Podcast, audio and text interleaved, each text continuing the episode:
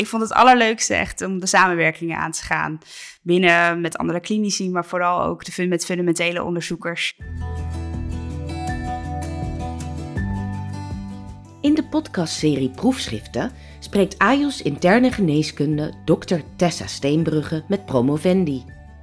Dit is een speciale aflevering van de serie waarin ze spreekt met Dr. Leonie Voorwerk over haar proefschrift getiteld Improving Immunotherapy for Breast Cancer Patients. Aan bod komen onder andere de Gelato-studie, extra analyses van de Tonic-studie, de belangrijkste resultaten en haar verwachtingen voor immunotherapie bij borstkanker in de toekomst. Leonie heeft op 14 april haar proefschrift succesvol, cum laude, verdedigd aan de Universiteit van Utrecht en haar proefschrift is door de Nederlandse Vereniging van Medische Oncologie verkozen tot beste klinische proefschrift van 2023.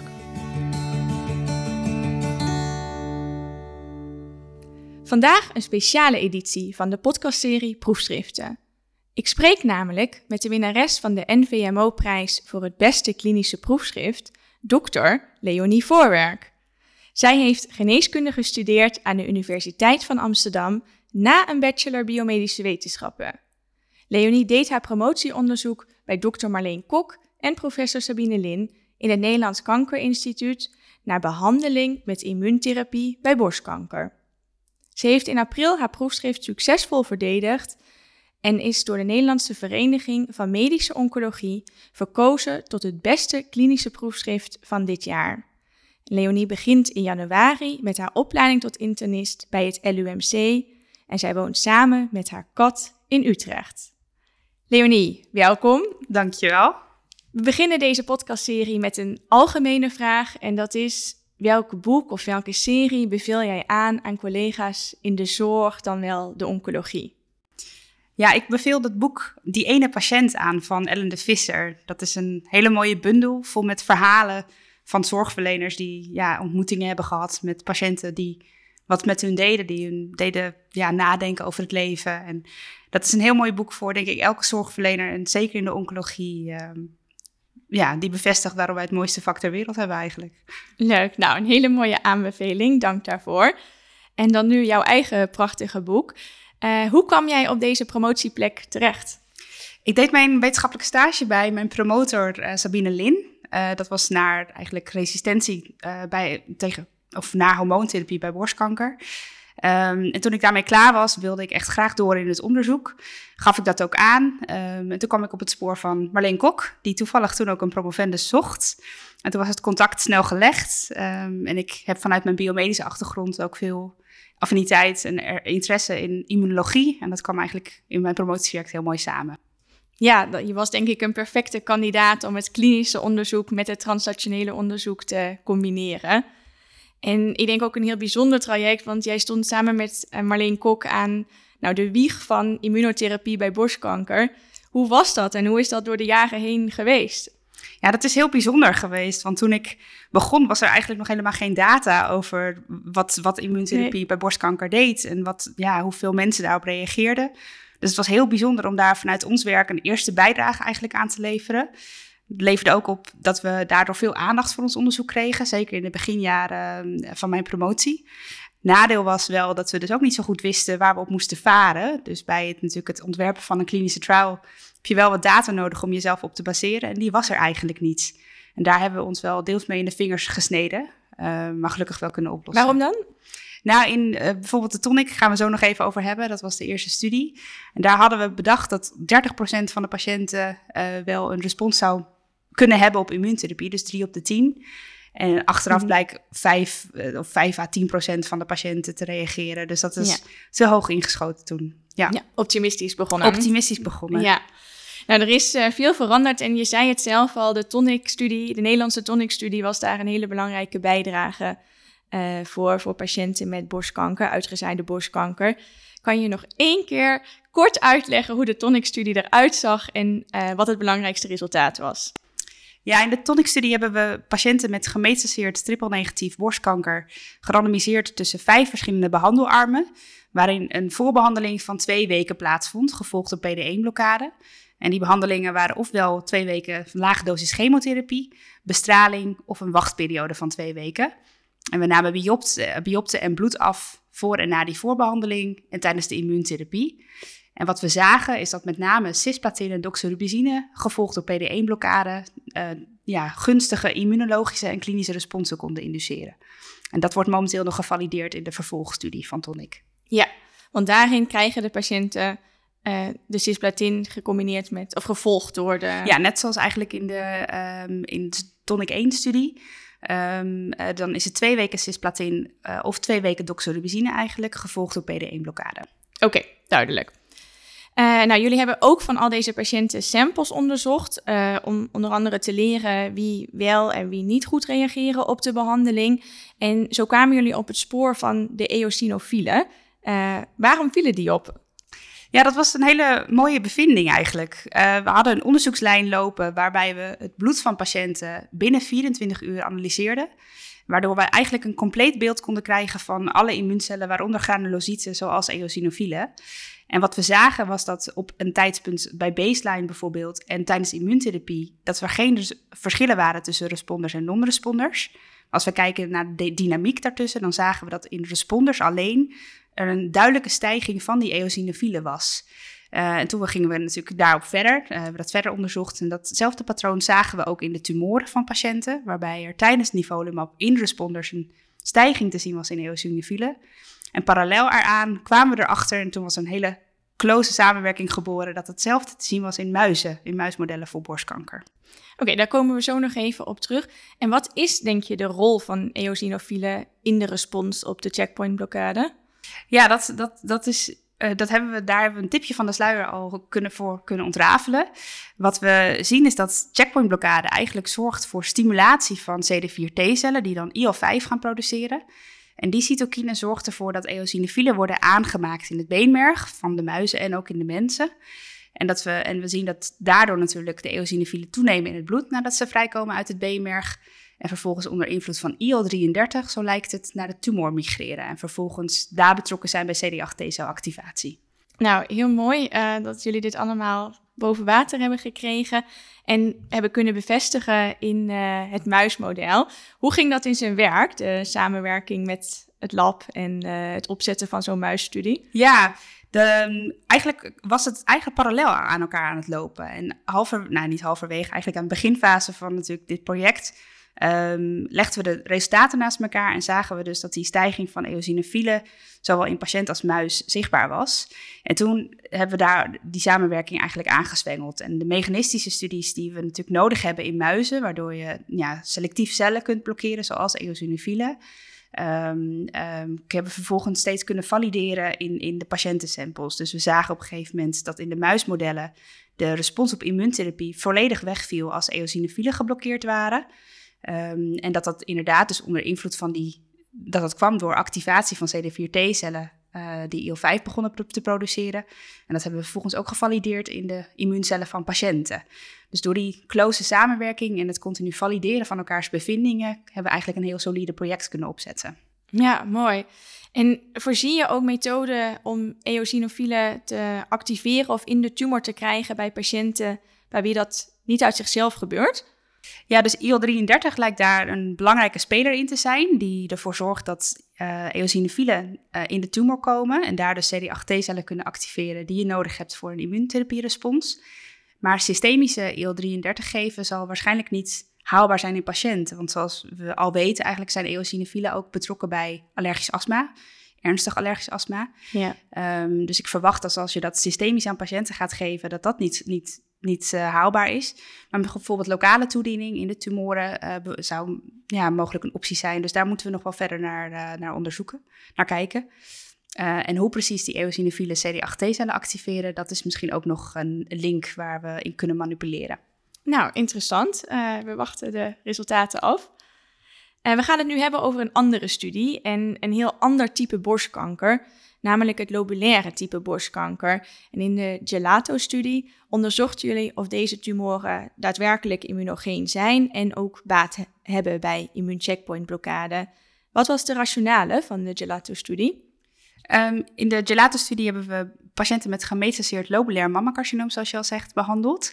En we weten vanuit preklinisch werk eigenlijk dat lobulair mammacarcinoom, um, dat, is een, een, ja, dat, wordt veroorzaakt door een verlies van de functie van het eiwit ecatherine. En die patiënten die uh, ontwikkelen vaak uitzaaiingen in het gastro-intestinale kanaal, in de botten. Um, en hebben een slechtere prognose eigenlijk in als ze zijn dan patiënten met zonder speciaal subtype eigenlijk NST. Um, wat we weten vanuit preklinisch werk is dat een gedeelte van die lobulaire mammatumoren um, een hoge expressie heeft van immuungerelateerde genen. En dat deze groep ook responsief zou zijn in vitro uh, bij, op platinum. En tegelijkertijd weten we ook, dat is eigenlijk in de muismodellen die we net al even beschreven, um, dat als je daar platinum met checkpointblokkade uh, combineert, dat, die, dat in dat muismodel daar een goede respons op is. En dat is de rationale geweest om dat ook in mensen te testen. Ja, nou, een hele goede basis uh, klinkt het. Uh, je noemde het schema al even kort, maar hoe zag het er precies uit in de studie? Um, ja, het is een single-arm studie geweest en alle patiënten werden behandeld met 12 weken wekelijks carboplatin. En vanaf de derde week werd daar atezolizumab of PDL1-blokkade bijgegeven, uh, elke drie weken. En ook hier in deze studie namen we biopte en bloed af voor en na dat window van twee weken carboplatin en tijdens de immuuntherapie met carbo. Oké, duidelijk. En wat vonden jullie? Ja, we vonden dat zes van de 23 patiënten die we includeerden um, uh, een objectieve respons hadden of een stabiele ziekte van uh, meer dan een half jaar. Dus dat zes patiënten een klinische benefit hadden, clinical benefit. Maar dat vier van deze zes patiënten een triple negatief lobulair mammacarcinoom hadden. En dat is eigenlijk de groep patiënten die natuurlijk ook al ja, als triple-negatieve borstkanker natuurlijk wordt beschouwd en toegang heeft tot checkpointblokkade. Um, we vonden ook dat één patiënt echt lange termijn respons had van langer dan één jaar. Um, en dat, dat, dat was een patiënt met een ER-positieve tumor met hoge TILs en hoge CD8. Dus die bestaan wel in lobulaire borstkanker. En we vonden dat uh, in de tumoren met name een hogere expressie van CD8 T-cel gerelateerde genen was tijdens, niet na de directe voorbehandeling, maar pas tijdens de immuuntherapie opkwam. Oké. Uh, ik denk nog even goed uh, eerst om te noemen dat al deze patiënten al best wel uitgebreid voorbehandeld ja. waren. Ja, hè? Dat, uh, ja, dat is klinkt als weinig respons, maar het waren ook patiënten die... Eigenlijk al, die eigenlijk al geen opties meer hadden. Ja, dus de ER-positieve patiënten die um, moesten al resistent zijn eigenlijk tegen hormonale behandeling. Um, en de triple negatief en maximaal twee lijnen van palliatieve chemotherapie gehad hebben. Dat geldt goed voor alle patiënten. Ja, precies. Uh, en je noemde al belangrijk verschil tussen de patiënten die respondeerden en niet responderen, waren de triple negatieve en de ER positieve. Waren er ook nog andere verschillen? Ja, we zagen met name ook dat patiënten die levermetastase hadden het minder goed leken te doen op immuuntherapie. En dat is ook wel iets wat we weten van subgroepanalyses van, uh, van bijvoorbeeld de grote fase 3 studies. En we zagen bij baseline ook een non-significant uh, verschil met hogere CD8-aantallen uh, bij patiënten die reageerden, die respondeerden. Of een klinische benefit hadden eigenlijk. En ook numeriek uh, meer PD-L1-positieve tumoren in de mensen die respondeerden. Okay. En hebben jullie in deze studie ook naar de eosinofielen gekeken? Ja, maar helaas zagen we daar uh, juist het tegenovergestelde. We, zagen, we hebben op dezelfde manier ook de bloedsamples van de gelato-patiënten geanalyseerd. Dus met flowcytometrie binnen 24 uur. Maar we zagen daar juist een daling van alle granulocyten uh, tijdens de behandeling met immuuntherapie. Maar dat kwam, ook, dat kwam waarschijnlijk omdat we toen ook nog carboplatin meegaven. Dus dat is een, waarschijnlijk toch een toxiciteit van het B-merg geweest door de chemotherapie. Waardoor we een daling van zowel neutrofielen, eos, uh, eosinofielen en basofielen zagen. Hoe zou je een nieuwe studie opzetten voor patiënten met lobulair gemetastaseerd mammacarcinoom? Ik denk dat het interessant is om een soort basketstudie voor deze groep op te zetten. Want we weten dat uh, bijvoorbeeld HER2-mutaties meer voorkomen bij lobulaire mammacarcinomen. We weten ook dat PIK3CA-mutaties daar meer bij voorkomen. En ik, het is denk ik echt uh, interessant om te weten... Um, ja, kunnen we dan met zo'n basket trial selectief patiëntengroepen behandelen met een combinatie van middelen. Mooie data. Um, het is ook al een paar keer aan bod gekomen. ER-negatieve en triple-negatieve borstkanker is anders dan ER-positieve borstkanker en reageert anders op de immuuncheckpointsblokkade. Zo is onder andere de aanwezigheid van stromale tumor stromale tumorinfiltrerende lymfocyten en de opmaak van de tumormicroomgeving anders. Dit hebben jullie verder in kaart gebracht. En dat kwam volgens mij met name voort uit de andere cut-off die wij gebruiken om ER-positiviteit te definiëren uh, dan de cut-off die in Amerika wordt gehanteerd. Kan je dit toelichten? Ja, in Nederland gebruiken we inderdaad een cut-off van 10% om ER positief versus triple negatief te beschouwen. En in de VS en andere landen is het over het algemeen 1%. Dus eigenlijk geen expressie wordt als triple negatief of ER negatief beschouwd en meer dan 1 als positief. Maar we weten van, eigenlijk van klinische studies dat de groep met een ER-expressie tussen de 1 en 9 procent um, qua prognose en respons op hormonale therapie veel meer lijkt op triple-negatieve borstkanker met ER-expressie van 0 procent. En met de huidige ontwikkelingen, waarbij natuurlijk de goedkeuring er is voor immuuncheckpointblokkade in triple-negatieve borstkanker, ja, kwam bij ons de vraag op hoe, hoe zit het dan met die groep met lage ER-expressie? Hebben die niet ook bij, baat bij immuuntherapie? Ja, nou een hele belangrijke vraag, denk ik. Hoe hebben jullie dit onderzoek aangepakt? Ja, het is een retrospectieve studie geweest waarbij we borsttumoren hebben verzameld, waarbij we de ER-expressie, de continue ER-expressie uh, hadden. We zijn begonnen om te verzamelen binnen de groep met ER-expressie tussen de 1 en 50 procent. Dat hebben we toen qua aantallen gematcht met een groep uh, tumoren met 0% ER-expressie en hogere ER-expressie. En vervolgens hebben we kleuringen verricht om inderdaad stromale tumorinfiltrerende lymfocyten te bekijken, CD8T-cellen, PD-L1 en uh, genexpressie te, te bepalen om te kijken naar immuungerelateerde genen, maar ook de moleculaire subtypen. Oké. En dit ging allemaal om patiënten met niet gemetastaseerde borstkanker, hè? Ja, dat klopt. En wat HER2 negatief ook allemaal. Ja, oké, duidelijk. Goed dat je het zegt.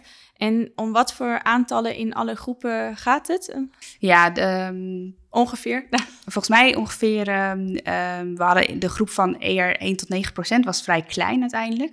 Maar als je dat samen nam met de groep van tussen de, ja, de, de, de 51 procent, tussen de 1 en de 50 procent, hadden ongeveer een groep van 50 patiënten. Oké, duidelijk. En wat vonden jullie in, uh, hoe zien uh, de tumoren eruit? Ja, we zagen opvallend genoeg dat niet alleen de tumoren met ER-expressie tussen de 1 en 9, 1 en 9 procent qua, immuun, ja, qua immuunkarakteristieken uh, leek op de tumoren met 0% ER-expressie. Maar dat het ook gold voor de groep met een ER-expressie tussen de 10 en 50%. Ja. Dus dat is een groep die tot nu toe... Ja, zeker. Uh, die we eigenlijk niet hadden verwacht uh, dat die zo daarin gelijk zou zijn. Maar we zagen dat eigenlijk als je keek naar TILS, CD8, maar ook naar de immuungerelateerde uh, genen, zagen we dat um, ja, eigenlijk de groep met ER 0 tot 50 procent heel erg op elkaar leken wat dat betreft. Okay. En wat we ook vonden was dat mestcellen de enige type immuuncel waren die juist hoger werden naarmate de ER-expressie ook hoger werd. Dus dat okay. lijkt ook wel uh, een inter... Ja, de, die cellen zijn ook wel eerder geassocieerd met Um, uh, bijvoorbeeld in de iSpy-studie met een non-respons op durvalumab toe in de, in de durvalumab-arm. Dus dat ja, zijn wel interessante cellen om uh, te, verder te bekijken. Ja. Uh, wat is jouw aanbeveling ten aanzien van de afkapwaarden en nieuwe studies die geschreven worden? Ik denk dat het vooral heel belangrijk gaat zijn dat we. Um, de, de, er zijn nu al op ESMO de eerste data voor de fase 3-studies in uh, high-risk ER-positieve borstkanker uh, naar, ja, met, met checkpoint gepresenteerd. En daarin is één studie al, uh, heeft al gekeken naar de groep uh, met ER-expressie tussen de 1 en 9 procent versus hoger dan 10 procent. En daarin is al een heel duidelijk, was niet significant, maar wel een heel duidelijk patroon al zichtbaar, dat in die groep veel meer PCR voorkomen dan in de groep met hogere um, ehm, ER-expressie, dus boven de 10 procent. En ik hoop dat als eerste begin in ieder geval, dat er dat ja, dat die subgroepanalyse wat wordt uitgebreid met ook te kijken naar de groep tussen de 10 en 50 procent ER-expressie. Maar dat andere fase 3 studies ook zo'n subgroepanalyse gaan doen. Ja, oké. Nou, ik denk dat we met al het werk wat je nu hebt uitgelegd en je hebt nog veel meer gedaan, uh, je wel een expert mogen noemen op het gebied van borstkanker en immuuntherapie. Uh, en we willen natuurlijk graag weten voor welke patiënten werkt deze behandeling goed. In welke biomarkers zie jij veel potentie? Ja, nu is natuurlijk de behandeling goedgekeurd voor PD-L1-positieve patiënten met mm. gemetastaseerd triple-negatieve borstkanker. Maar dat, dat is een marker met vrij veel technische limitaties. Um, ik geloof heel erg in TILS, in stromale tumorinfiltrerende lymfocyten. Werden net al even genoemd. Dat is een hele makkelijke marker eigenlijk waar je geen extra kleuringen voor nodig hebt. En ik voorzie dat uh, zeker in vroegstadium borstkankerpatiënten dat ook al ingezet kan worden um, als marker om te kijken of iemand überhaupt systeembehandeling nodig heeft, maar ook of iemand bijvoorbeeld alleen immuuntherapie kan gebruiken. En die studie loopt nu ook al in het, uh, in het AVL. Ehm, en verder, zeker in de, ook de setting, is het denk ik, gaan we denk ik toe naar een ja, soort immunogram. Hè? Dus per patiënt bekijken wat, wat heeft iemand levermetastase bijvoorbeeld. Ja. Uh, mismatch repair deficiency is een hele sterke marker voor een goede respons op immuuntherapie. En ook is het een klein aantal, er zijn wel wat borstkankerpatiënten die dat ook hebben in hun tumor. Dus dat ja, zeker een belangrijke marker om te vervolgen. Dankjewel. Uh, wat vond jij nou het leukste om te doen tijdens jouw uh, promotietijd? Heel veel. het was een hele mooie tijd. Ik vond het allerleukste echt om de samenwerkingen aan te gaan. Binnen met andere klinici, maar vooral ook de, met fundamentele onderzoekers. Waar um, eigenlijk al, nou ja, zoals het eosinofiele project waar we het over hebben gehad. Um, eigenlijk komt zo'n project alleen vooruit als je met elkaar ja, ja, nauw samenwerkt, maar ook gewoon op een losse manier, informele manier even koffie drinkt. En dat, uh, dat heb ik echt uh, heel erg leuk gevonden tijdens mijn promotie. Ja, mooi. En heb je ook een advies voor promovendi die uh, nog bezig zijn of gaan beginnen? Ja, het is een hele dynamische tijd waarin denk ik je zelf heel veel kan bepalen als het goed is, hopelijk. Um, maar ik vond het lastig zeker om in het begin mijn ontspanning ook te vinden, omdat het werk nooit af is. Er is altijd wel een mail te beantwoorden, er is altijd wel een analyse te runnen. Dus zorg voor voldoende ontspanning in te bouwen. Dus kijk naar wat jouw uit, uitlaatklep is en uh, bouw dat in, zou ik zeggen. Ja, wat goed. Dankjewel Leonie voor alle uitleg die je hebt gegeven. En namens de redactieraad van Oncologie.nu gefeliciteerd met de NVMO-prijs. Dankjewel. Gaat u zelf uw proefschrift binnenkort verdedigen? En vindt u het leuk om een podcast op te nemen? Laat het ons weten via info.uitgeverij-jaap.nl